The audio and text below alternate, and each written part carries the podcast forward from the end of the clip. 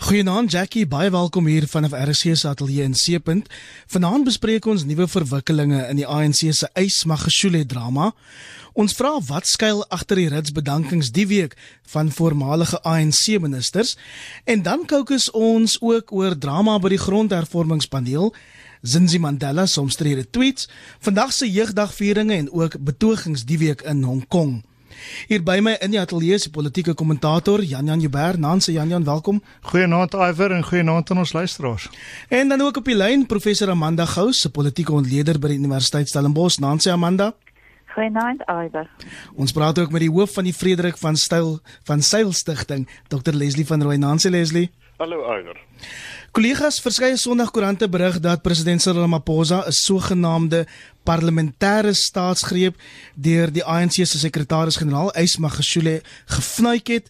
Magashule wou volgens die Sondag Media glo Zuma loyaliste in verskeie parlementêre komitees aanstel sonder dat die nasionale leierskap dit goedgekeur het. Janian, dis duidelik dat die spanning tussen meneer Magashule en Ramaphosa week na week verdiep ter wille van agtergrond vir die luisteraars. Skets net gou vir ons daai prentjie. Goed, so kyk, hulle het aan verskillende kante van die verdeling gestaan in die 2017 Nasrek konferensie van die ANC en um toe het hulle nie daai probleme uitgesorteer gekry nie. Meneer Magashule is 'n kornuit van um van oud-president Jacob Zuma en sy mense Supramo Amopelo, daai tipes en um meneer Ramaphosa natuurlik nie. So um daardie probleme bly voortbestaan dis deel van David Mabuza die jong president se plan om balans in die ANC te kry dat geen kant spesifiek die oorhand het nie. Die probleem dan is dat jy te hengse gestry want niemand wen of verloor ooit heeltemal nie. So wat in hierdie geval gebeur het was dat um meneer Ramaphosa op die ou end meeste meestal sy kabinet gekry het soos hy dit wou gehad het. Nie heeltemal nie, maar redelik. En toe het die um Magashule mense en dis eintlik dinge wat ons al lank al hoor gesê, "Goed, as julle die kabinet kry, vat ons die parlement." En toe het um, meneer Magashule as die berigte in die Sondagkoerante korrek is, probeer om 'n uh, caucus te laat belê van die ANC se parlementariërs in Donderdag en toe net voor die Donderdag um ding sou gebeur toe Dr Gerard Koornhof wat um president Ramaphosa se parlementêre raadgewer is daarvan te hore gekom en toe het meneer Ramaphosa dit gestuit maar ek dink dit moet ook alles gesien word in die ag of teen die agtergrond daarvan dat daar regtig baie sterk gerugte is dat meneer Ramaphosa uh, dat meneer Magashule um op die punt staan om gearresteer te word. So die oomblik wat dit gebeur verander die spel redelik en ek dink op hierdie stadium mag dit wees dat ons van die um Ysmagashule kant redelik desperate spronge sien. Wie sou Magashule dan na bewering aanstel, um Leslie en hoekom sou dit vir hom so belangrik wees om Zuma loyaliste aan die hoof van daai politieke en strategiese parlementêre komitees te kry? Ja, kyk, die probleem met Magashule is hy doen eintlik maar net wat hy wil. Ja, Daar's by hom geen verstaan dat daar 'n oppergesag is nie. Meer Ramaphosa staan eintlik net in sy pad en hy wil toegelaat wees om te doen net wat hy wil. Nou hy probeer verskeie maniere die vryheid kry uh om om dit juis te kan doen. Ons weet hierdie week het die ATM prosesse al hoe stywer getrek en dit gaan uiteindelik wys dat 'n klomp ANC hoëgeplaases betrokke was in die vestiging ten minste van 'n party wat 'n soort kritiese stem uh sou kon word wat bietjie vreed aan die ANC en dan uiteindelik mense sou kon sê dat meer Ramaphosa nie so goed is vir die party nie. Nou dit is kennelik van meneer Magashule om op verskillende maniere te kan doen net wat hy wil. Die funksionering van die parlement deur die komitees is krities. Uh en en almal weet dit. So Janian is reg oor die oor die oënskynlike verdeling amper van mag ehm um, meneer Ramaphosa wat 'n septo swaai, maar die komitee is wat uiteindelik funksioneer. Meneer Magashule het lyste vir lyste probeer saamstel van mense wat hy dink baie meer ehm um, aan die noem dit nou maar die sosialistiese kant van die ANC is of wat kan wegkalwe 'n verstaan van veral ehm um, groot komitees waar die ANC insaai het, maar dit lyk tog of dit ehm um, dalk nie sal gebeur nie. Nou dis 'n groot week. Ehm um, meneer Ramaphosa se staatsrede kom die komitee sal uiteindelik hierdie week aangewys word. Of ons sal ten minste 'n idee kry wie die voorsitter is. Nou moet ons begin kyk waar meneer uh, Magashule se mag eintlik staan vir my die interessantste om die ondersoeke wat rondom hom hang en daar's baie. En Jan Jan is reg, dit mag dalk wees dat ons binne 'n paar dae sien dat meneer Magashule nie meer hierdie mag het nie en homself uh jy weet vasstaar in die wet baie meer as wat hy dink. Maar kennelik is wat die ANC self hierdie week gesê het. Ehm um, meneer Ramaphosa het besluit die ANC moet op 'n manier praat oor waar meneer Magashule is. Hy self dink nie hy moet alleen die stem wees nie. Daar's 'n baie interessante komitee saamgestel uh wat Frenny Jenwala gelemme Motlanthe moet lei. Uh twee persone uh, wat baie min fout by die meeste van ons uh, sal hê in hulle prosesse en bestuur en verstaan van politiek ook in die ANC. En dit dink ek is 'n teken dat die ANC onder leiding van Ramaphosa sê wel ons wil voortstoei, ons wil wegdoen uh, met wat dalk nie goed is vir die ANC nie, natuurlik nie goed is vir Suid-Afrika nie, Maar dan moet ons kyk hoe hierdie week se staatsrede en so voort sal uitspeel. Amanda die ANC se top 6 het al daai lys van portefeulje komitee voorsters goedgekeur en dan bewering wou meneer Magashule nou daaraan karring. Voorspel jy dat die poppe reeds na donderdag se staatsrede sal begin dans? Ek vermoed so, jy weet ek dink dit is is ongehoor dat die sekretaris-generaal ehm um, inmeng met die aanstelling van portefeulje komitee voorsitters uh, sonder om die president daaraan te ken of dit is nie die normale hoe die normale proses werk nie. Ehm um, so ek dink Magashule het 'n kans gevat en hoop hy gaan wegkom daarmee. Uh maar maar duidelik, ek meen dit is nie net hierdie voorval nie, dit is ook die voorval rondom die, sy uitsprake oor die reservebank dit is die uitsprake gewees oor die feit toe Ramaphosa verkies is dat hy gesê het wel uh, die stemming is nie vir 'n vir 'n individu nie dit is vir 'n vir 'n party. So hy is kennelik besig om die president te ondermyn en ek vermoed um dat hy so so daar aangedui is dit uh, uh, jy weet daar is verskeie klagtes van korrupsie teen hom en as ons ook net na die die uh die Meybig boek moet kyk ehm um, dan dan is daar duidelik weet het hy 'n lang geskiedenis van van van eh uh, misbruik in in in wanbestuur ehm um, in in verskeie posisies.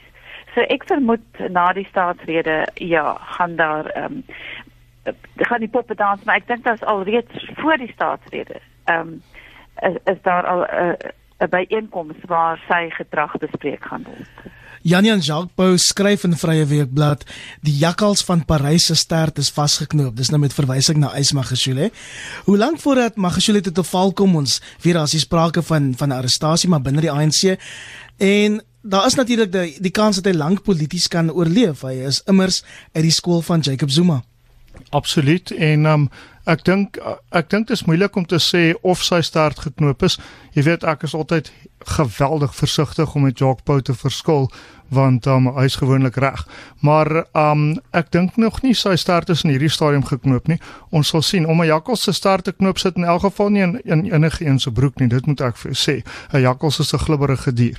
Maar um wat ons gesien het hierdie week, um is dat hy byvoorbeeld vir Faith Mutambi wou aanstel as die voorsitter van die portefeulje komitee oor justisie en grondwetlike ontwikkeling. Nou asseblief, asseblief laat dit nie gebeur nie. Um daai komitee moet soveel belangrike goederes op hierdie stadium hanteer. Strafregstelsel, nasionale vervolgingsgesag, die openbare beskermer. Jy kan nie iemand soos Faith Mutambi wat in alle liefde nie eintlik in 'n parlement hoort nie. Um sy sy weet gewoon nie wat, wat aangaan nie. Um jy kan nie so onkundige mens op so 'n belangrike portefeulje loslaat nie. Dan ook Supramo Amopelo, die persoon onder wie se leiding Noordwes se munisipaliteite en departemente nie 'n enkele skoon audit kon kry nie ensvoort ensvoort. Daar was 'n vreeslike klomp regtig swak uh, voorstelle van sy kant af en ek is baie bly punte vir jou Gerard Koornof as jy luister um dat jy dit gekeer het. Faith Mutambi Amanda is natuurlik die einste minister wat meneer Ramaphosa 18 maande gelede afgedank het as die minister van staatsdiens en administrasie. En die sprake dat sy kan terugkeer in daai portefeulje komitee die einste komitee wat dan die bevoegdheid van die openbare beskermer advokaat Bosisiwe Mkobani sal moet ondersoek Amanda. Ja, ek weet ek dink dit dit is ehm um een van die die sleutel portefeulje komitees en iemand soos Faith Mutambi is is net nie ehm um, die aangewese persone. Ek is verbaas dat sy nie een is van die van die ehm um, lede van die parlement wat bedank het nie.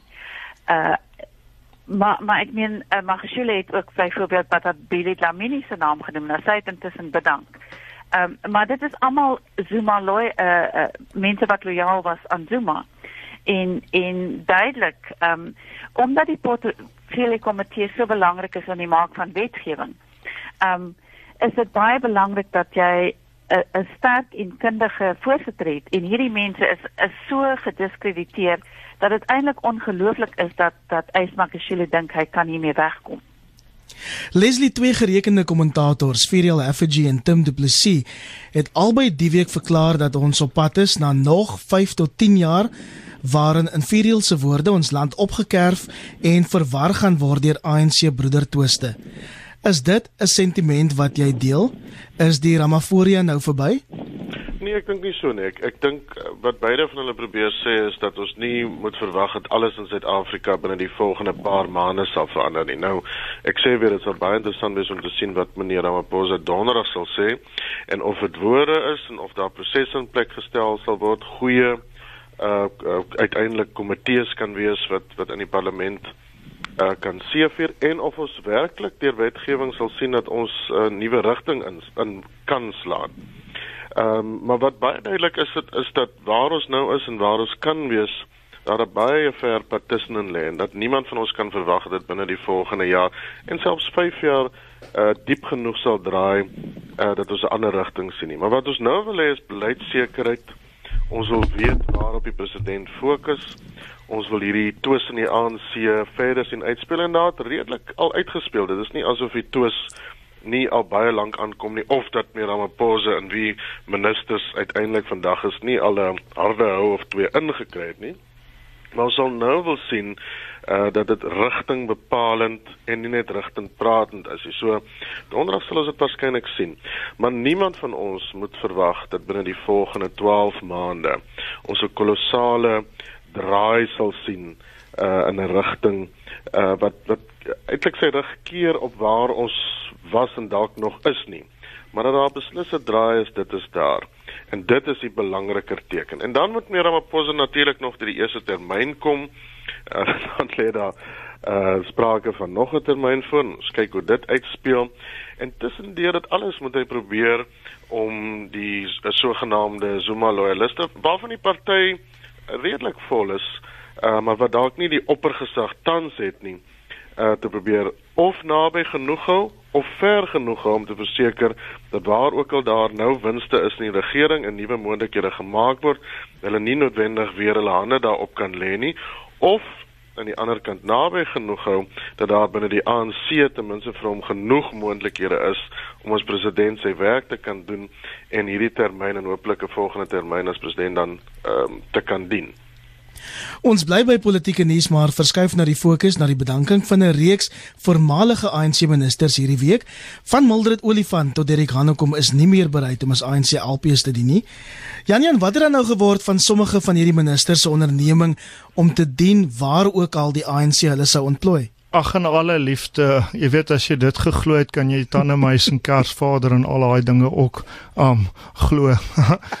Terugkeer van wit heerskappy. Ja, ook al allerlei onmoontlikhede. Nee, ag nonsens. Hulle hulle gaan waar hulle wil gaan. Um hierdie is hierdie is totale onsin. Dis 'n totale leuen dat hulle sal sien waar hulle ook al nodig gekry word. Nie dat 'n mens dink hulle was so nodig in die parlement in die eerste plek nie. Kom ons kyk gou wie's weg. Mildred Olifant is weg. Um sou jaar werklik waar doelmatig kon aanwend in 'n parlement ek wonder. Um Derek Hanekom is definitief 'n verlies. Um Nomvula Mokonyane hoera. Batabile Dlamini ek dink die parlement is sterker sonder haar. En ek dink die land, die land het nogal 'n um, fees gevier toe hulle daai nuus kry. Wel sommiges, ek sien die Wes-Kaapse vroue liga van die ANC het hier 'n loflied aangehef wat ek so werklikheidsvreemd gevind het dat ek myself skaars kon ek kon my skaars beteel. Dan Jeff Gadebe wat 'n baie goeie minister was, maar wat natuurlik met Ramaphosa se swaar is en waarskynlik is dit maar net um ordentlikheidshalwe. Dan Dr. Siya Bonga Twele, groot vriend van Zuma, maar ook bekwam, maar um, nou ja, daar gaan hy. Um Noma India Mfegetu wat ons ken in die Kaap, ons voormalige burgemeester, sy um is op pad uit. Dipuo Letsatsi Duba, die minister van staatsveiligheid en Susan Chabango, die minister van vroue en mense met gestremthede ensvoort. Nou um die vraag is nou hoekom doen hulle dit? En daar kan drie redes wees hoekom hierdie ministers nou so op strepe bedank. Die eerste en mees eenvoudige een is as jy binne 'n spesifieke tydperk bedank um nadat uh, uit die parlement nadat jy 'n minister gewees het, dan kry jy 'n hoër pensioen. Um jy kry jou pensioen op jou laaste posisie. Dit is die Suid-Afrikaanse stelsel wat waarskynlik nie 'n baie goeie stelsel is nie. So hulle het meer geld gekry deurdat hulle nou bedank het as dat hulle nou maar aangebly het in die parlement. Tweedens, um kan dit wees dat hulle net baie kwaad en in die gesig gevat voel dat hulle uitgelaat is. Jy weet ek kan dit nogal dink wat al, elke mens dink mos hy's uitstekend in wat hy doen. En derdens, um dink ek ook dat dit kan so wees dat 'n mens miskien nie nadat jy 'n minister was en so lus is om nou weer parlementêre portefeulje komitee werk te doen nie. So dit kan enige of al drie van daai drie wees. Maar Amanda, wat sê dit wanneer dit vir ons um, parlementslede nie goed genoeg is om agterbankers in die nasionale wetgewer te wees nie? Ja, ek meen dit is 'n dit is 'n verlies aan status, né? Nee? So en ek dink die pensioen ehm um, situasie is vir baie van hulle belangrik omdat hulle reeds by aftree ouderdom of of oor aftree ouderdom is. Ehm um, Derek Hanekom gaan herontplooi word, ehm um, soos ek verstaan in die in die presidentskap. Ehm um, maar baie van hierdie ministers gaan ook of uh, daar hang 'n skade wie oor hulle ehm um, as gevolg van die integriteitskomitee. So so hulle gaan ondersoek word en daar is ook die kans dat hulle krimineel vervolg kan word. So ek dink dit is deels te wyte aan hulle bedanking te wyte aan die feit dat hulle weet ehm um, dat die die integriteitskomitee hulle ondersoek Ehm um, en en dan ook, jy weet, dit is nie die eerbare ding om te sê wel eintlik het ek nou, jy weet, ek ek ek het nie nou wense op uh, my werk gedoen nie, so ek gaan nou bedank nie. Dit niks daarmee te doen nie. Dit is werklik oor die uh, oor die pensioen en dan dink ek ook die die feit dat ehm um, van hulle so so Jan Jan ook gesê het is eintlik nou baie in die gesig gevat dat hulle nie heraangestel is nie. Leslie, huil jy lank trane oor hulle bedankings of Nee, vier jy fees? Wat ons al mis wat sê dat 94 aankom en wat 'n beduidende rol gespeel het in die onlangse geskiedenis in Suid-Afrika, maar die meeste daarvan dink ek soos 'n manne genoem het sal op ander vlakke opgeneem word. Uh vir my was die vreemdste wat die wat die Bile Klamine se brief die uh, die week hmm. want sy tog aanhou om aan te val en te beklei en te stoei teen die Gordans en die Ramaphosa van die wêreld. Uh wat daar dui dat sy regtig nie dink dat in haar rol as minister sy veel verkeerd gedoen het nie. Nou onthou ons al die sages natuurlik rondom maar nou sal ons beslis nie mis nie. Maar ons moenie vergeet nie dat as mense uh, wat bo op op hy lys was afval of wegval, dan natuurlik weer uh, van onder af opgevul moet word. En dit het nou weer 'n impak uh, op die einste portefeulje komitees waarvan ons nou net gesels het. So as ander lede wat bykom en miskien is dit 'n goeie skoon begin, maar daar's ook name aan die onderkant van daai lys wat dit net net nie gemaak het nie, uh wat dalk op 'n ander manier in in byvoorbeeld portefeulje komitees 'n rol kan speel. Maar die meeste van die die ministers wat bedank het, dink ek Ehm uh, ja, sal ons beslis nie te veel mis nie. So die een se dood is die ander se brood, Jan Jan? Ja, en ehm um, die ANC die eerste 6 van die ehm um, veranderings die ehm um, plaasvervangers bekend gemaak. Drie van hulle is my onbekend, drie van hulle is nie. Um twee is baie slegte nuus en een is redelike goeie nuus. Um die die die drie wat ek ken wat terugkom is Kebby Mapatswe, die voormalige uh, adjunkminister van verdediging. Ag tog. Um Matthew Wolmerans, die voormalige burgemeester van Rustenburg omstrede is 'n woord wat vir hom uitgedink is. Kyk, ek gaan nie daarop ingaan nie want van daai goeters is nog voor die hof, maar jo. En dan um wie ek bly is om terug te sien hier uit die Weskaap is Welma Nuwe Droegen wat vreeslik baie doen vir vroue um en vir um die regte van gestremdes binne in die parlement. En en ook Judy Herman, sy is uh, het 'n lang geskiedenis met vroue sake. En ander nuus kollegas, die grondhervormingspaneel het die week hulle lang verwagte verslag aan meneer Ramaphosa oorhandig. Die inhoud daarvan is nog nie amptelik bekend nie, maar op die ou einde het twee leierboere, Nick Serfontein en Dan Creek, nie daai verslag onderteken nie. Amanda, wat het daar skeef geloop en is jy nou bekommerd oor die inhoud van daai verslag? Wel, so ek het verstaan uh die die respons op die feit dat hulle nie geteken het nie is dat daar was nooit verwag van enige iemand om te teken nie. So hulle kan nie sê dat hulle nie geteken het nie. Die die 'n vraagstuk hier is die feit dat hulle 'n minderheidsverslag opgestel het omdat hulle nie baie tevrede is met die inhoud van die verslag nie en daai die inhoud van die minderheidsverslag word dan ook nie weer speel in die verslag wat bekend gestel is nie. En ek dink dit is die dit is die vraagstuk hier is hoekom is dit nie jy weet die ontevredenheid hier met die verslag. Daai idee vir ons dat daar op dat daar nie konsensus was nie. Ehm um, en en soos dit te werk is dat jy die verslag ehm um, oorhandig saam met die minderheidsverslag. Maar die die die minderheidsverslag het ehm um, feature nou nêrens nie en ek dink dit is die die die probleem wat die wat Serfontein um, in in dan cricket. Leslie die kabinet gaan eers die amptelike verslag oorweeg voordat aan die parlement voorgelê word. En ons moet dan terwille van regverdigheid ook vir mekaar sê dat baie ander top landboukenners, dis nou insluitend die voorsteur Dr. Wio Maglati, die landbouekonoom Wandile Sishlobo met wie ek gister gepraat het, professor Ruth Hol van Plaas wel dan nou daai verslag ondersteun en ook teenwoordig was tot dit aan meneer Ramaphosa die week oorhandig is weet ons wat in daai verslag staan? Nee, ons het vermoedens wat in daai verslag staan en ek dink daar's baie sterk vermoedens oor wat daarin sal staan. Nou, die, komitee uh, was van die begin af 'n verdeelde komitee. Ek dink so, dit sou 'n wonderwerk wees om almal saam te hou om 'n kwessie wat ons uh, as land nogal verdeel. Ek dink die die tekens wat uitkom het reeds die, die wind so half uit die seile geslaan. Ek dink die minderheidsverslag se tekens was daar Ruth Hall het oor die afgelope maande uh, alles behalwe stil gebly oor wat haar gevoel is oor waar dit moet wees. Hier is 'n uh, woedende stryd en dit is 'n stryd uh, wat nie net in die komitee geld nie, maar dit is 'n stryd tussen die moontlikhede van kommersiële boere uh, uh wat grondhervorming wil ondersteun uh, en wat dink deur uh, deur grootskaalse boerdery kan jy uh, die die die landbouekonomie of verstewig of so uh, bevestig dat daar ekonomiese sterk ekonomiese moontlikhede is aan die een kant en dit is uh, verteenwoordig van die Dan Creeks uh Nick Serfontein en en en een of twee ander aan die een kant die ander kant uh die die kant wat plaas die Institute for Poverty Land and Agrarian Studies by EWK die Ruth Hall hulle baie sterk ondersteun.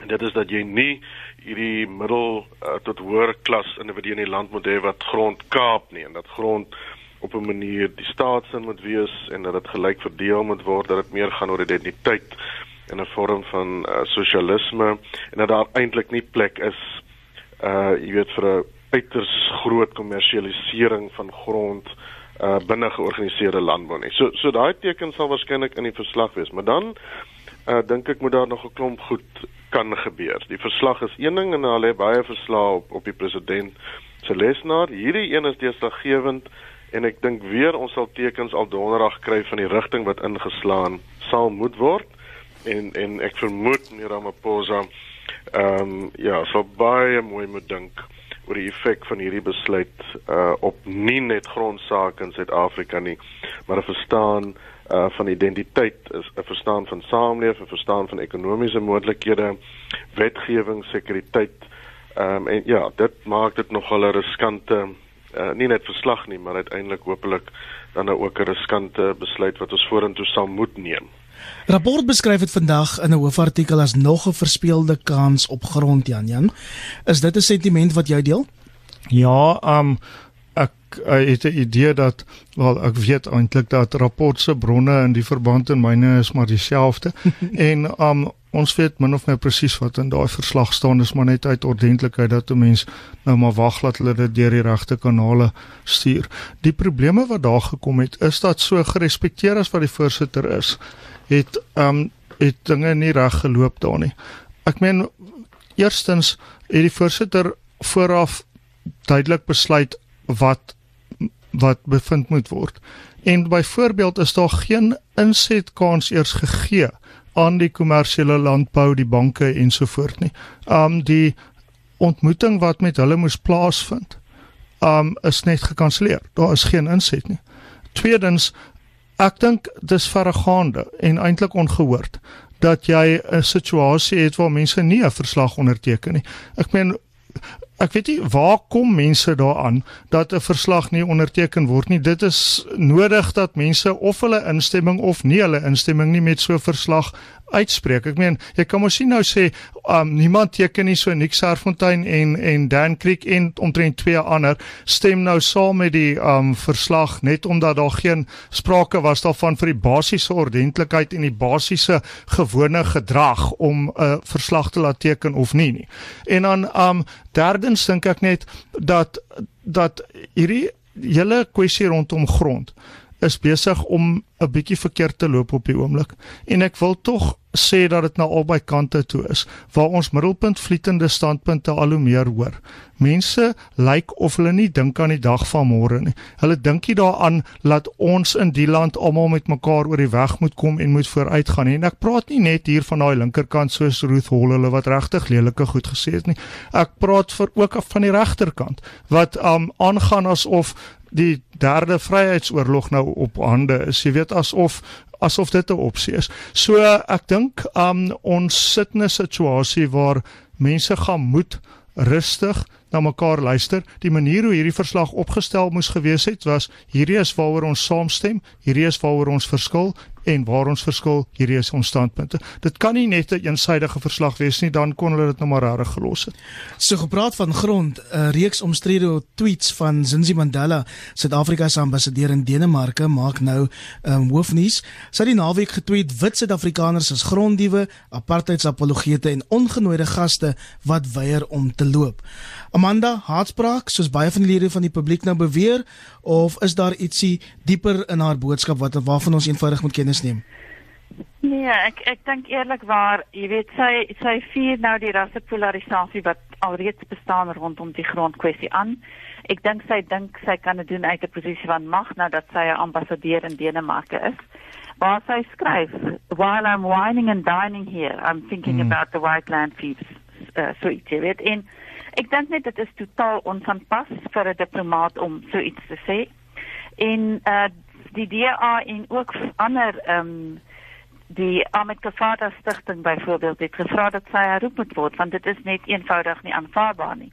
Maar sy sê ook ehm um, geen wit mens sal vir my voorskryf wat ek moet sê en nie sê nie ek jy weet ehm um, you you have no power over me.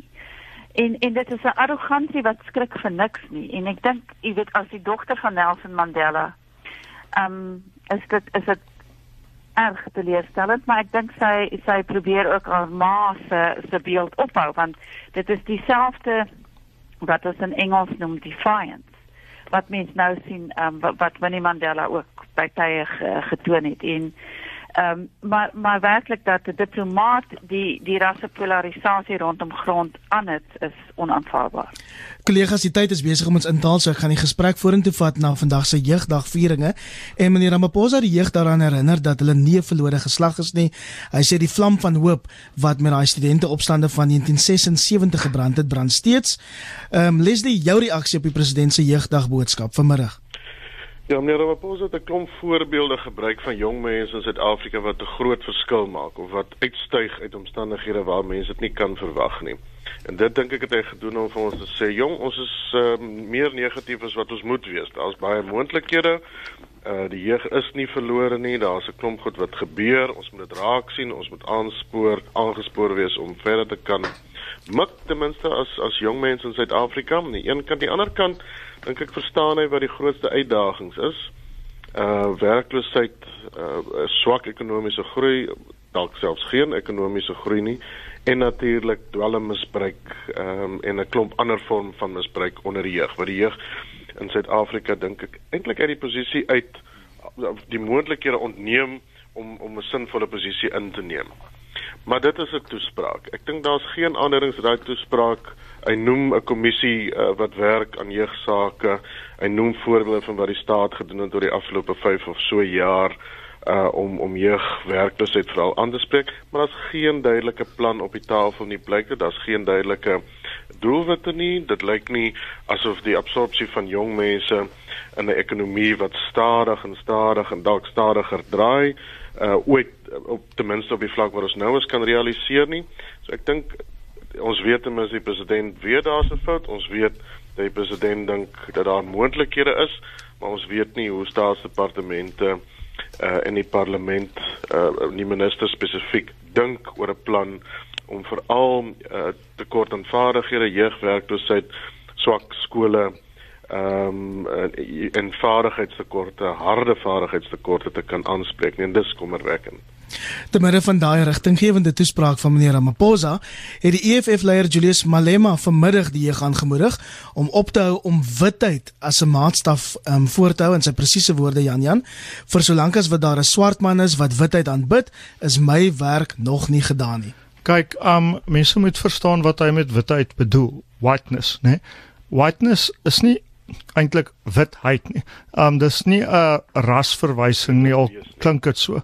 Dit um dit gaan eintlik maar daaroor dat um mense moet trots wees op hulle self. Mense moet self oplossings vind en hulle hoef nie hulle self altyd te skik na die um na die gevestigde um denkpatrone wat ons nou oorgekry het uit Europa uit nie en hulle moet veral nie hoe sal ek sê voel dat daardie Europese norme noodwendig die enigste en die en die belangrikste norm is nie. So hoewel dit klink na rassistiese uitspraak en um ek seker daar's 'n klomp mense wat nou hulle oë rol en sê o, Jan Jan, wat praat jy tog alles? Maar maar um whiteness as 'n konsep is nie regtig 'n rasverwysing nie. Amanda, die meeste mense in hierdie land is is is jong mense het die regering dit in hom om op groot skaal vir jeuggeleenthede te kan skep? Wel, ek dink jy weet dat die die groot probleem uh, op die oomblik is is die duisende uh, matrikulante wat elke jaar skool klaarmaak en dan nie werk kan kry nie. So werkloosheid is is 'n baie groot probleem. En dan is daar die kwessie van ehm um, die, gratis onderwys uh, op tersiêre vlak wat ek dink vir universiteite uh, baie groot kopseere veroorsaak want uh, uit die aard van die saak is daar nie genoeg geld nie so weet ons met ander bronne van geld soek. Ehm um, en en Nesfas is net uh weet hulle hulle bestuur word so swak bestuur dat baie studente byvoorbeeld vir lang tye uh nie verblyf het nie, nie kos het nie en so aan. So al hierdie goed saam is is 'n baie groot probleem en en ek dink die die krisis in die onderwys moet aangespreek word vanaf preprimêr. Ehm um, en nou het Angie met sê gaan net hierdie week gesê dat ehm um, nou repeat. Wat beteken geen geen herhaling nie so uh, in die laerskool gaan uh, skoolkinders net eenvoudig ehm um, dat die volgende graad bevorder word of hulle nou deurkom of nie. Nou ek dink dit is 'n baie groot probleem want jy jy skuif eintlik net die bottleneck van van studente met probleme aan en aan en op die ou ende uh sit ons met hulle in die hoërskool. So die onderwyskrisis uh gekoppel aan aan aan 'n gebrek aan finansies uh vir die tersiêre sek sektor in uh werkloosheid is is is 'n baie groot probleem.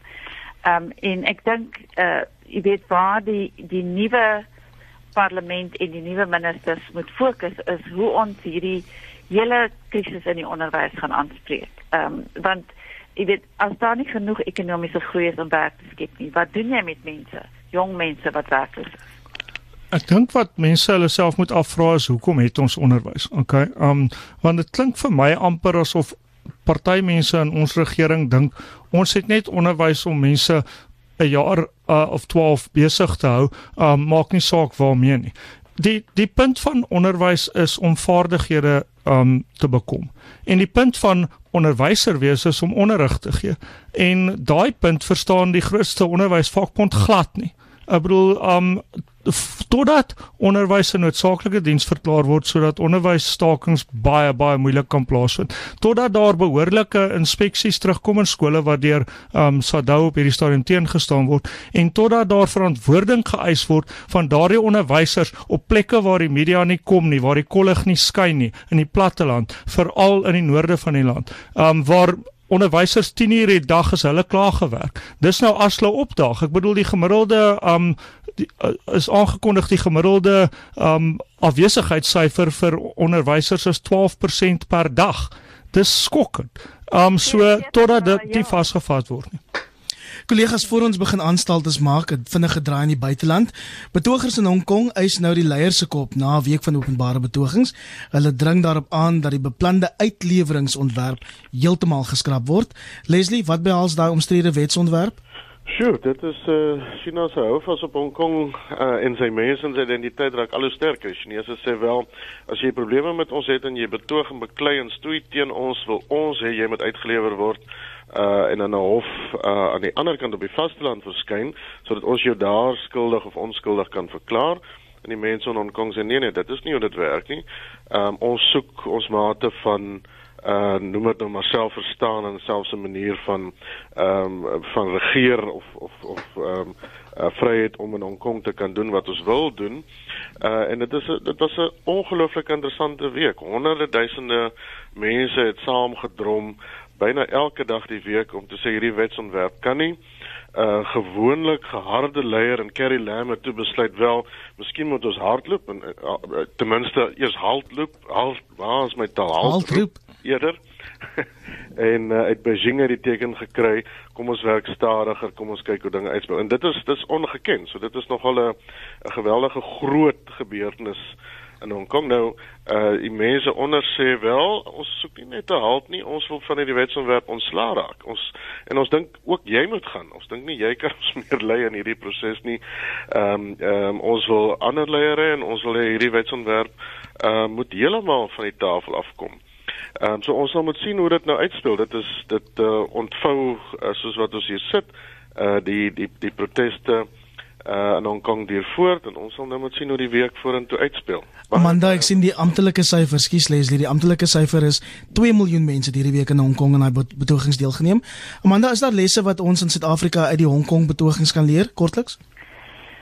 Ja, ek dink jy weet Hong Kong is 'n baie klein plek, so die die getalle daar as jy 2 miljoen mense op straat het dan dan sien 'n mens dit in in die ruimte is net so beperk, maar ek dink as ons al die proteste wat ons reg oor die land het op enige gegee tyd bymekaar tel dan het ons ook baie mense wat wat protesteer. Ehm um, maar ek dink wat wat belangrik hier is is die die feit dat hulle wetgewing protesteer. Jy weet ons protesteer oor 'n gebrek aan dienslewering, maar dienslewering uh, het eintlik te doen met wetgewing en wat se tipe wetgewing gemaak word. En en miskien is daar vir ons 'n les in dat ons moet meer dink oor hoe ons betrokke kan wees um by wetgewing uh en en veral ook op op ander maniere, nie net deur protes nie, maar byvoorbeeld deur voorleggings. Daar word baie selde voorleggings gemaak um oor wetgewing as dit nie gemobiliseer word nie. Jan Jan kortliks jou reaksie. Ja, ek dink um dat kyk mense moet onthou Hong Kong is 'n semi-autonome stad. So dit is 'n taamlike um nog vis nog vlees situasie waar 'n redelike mate van balans tussen autonomiteit en die feit dat hulle tog maar aan China onderworpe is, um gevind moet word. Nou wat interessant is, is dat um kyk die Chinese regering het daarom ook 'n kant van die saak want hulle sê um hulle wil ook hê elke mens wat 'n krimineel is in uh China, die moet uh Hong Kong toe vlug en dan kan hulle hulle nie arresteer nie. Um die Hong Kong mense sê nee nee nee nee nee nee nee dit is nou alles heeltemal fyn, maar um julle gaan die ding misbruik soos wat Leslie nou-nou verduidelik het. En um die ontstaansgeskiedenis is ook interessant want dit is eintlik 'n stuk wetsontwerp wat geskryf is vir 'n uh, ou in Taiwan, 'n Hong Kong persoon wat in Taiwan gebly het en toe een of ander groot misdaad begaan het en Hong Kong toe teruggevlug het toe kan Taiwan hom nie in die hande kry nie. So um wat ons nou sien is dat duidelik hierdie ding te ver gegaan. Um ek dink dit is interessant soos um Leslie gesê het, dis maar hartvogtige vrou daai um Carrie Lam wat die um wat die leier is en vir haar om terug te staan en die wetsontwerp terug te trek um is eintlik fascinerend want 'n mens sou amper van China af verwag om te sê nee nee nee. Jy weet ons stuur sommer die rooi magte oor as dit daarop aankom. Nou ja, toe dan kyk ons wat gebeur die week met ons hartvogtige leiers in ons eie politiek. Dit bring ons aan die einde van vanaand se kommentaar hier op RSG soos altyd 'n voorreg. Baie dankie Jan Jan Joubert.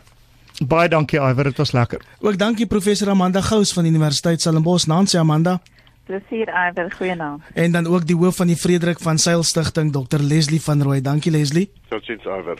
My naam is Iver Price, die monitorspan môreoggend tussen 6 en 8 terug op hulle pos. Lekker aan verder.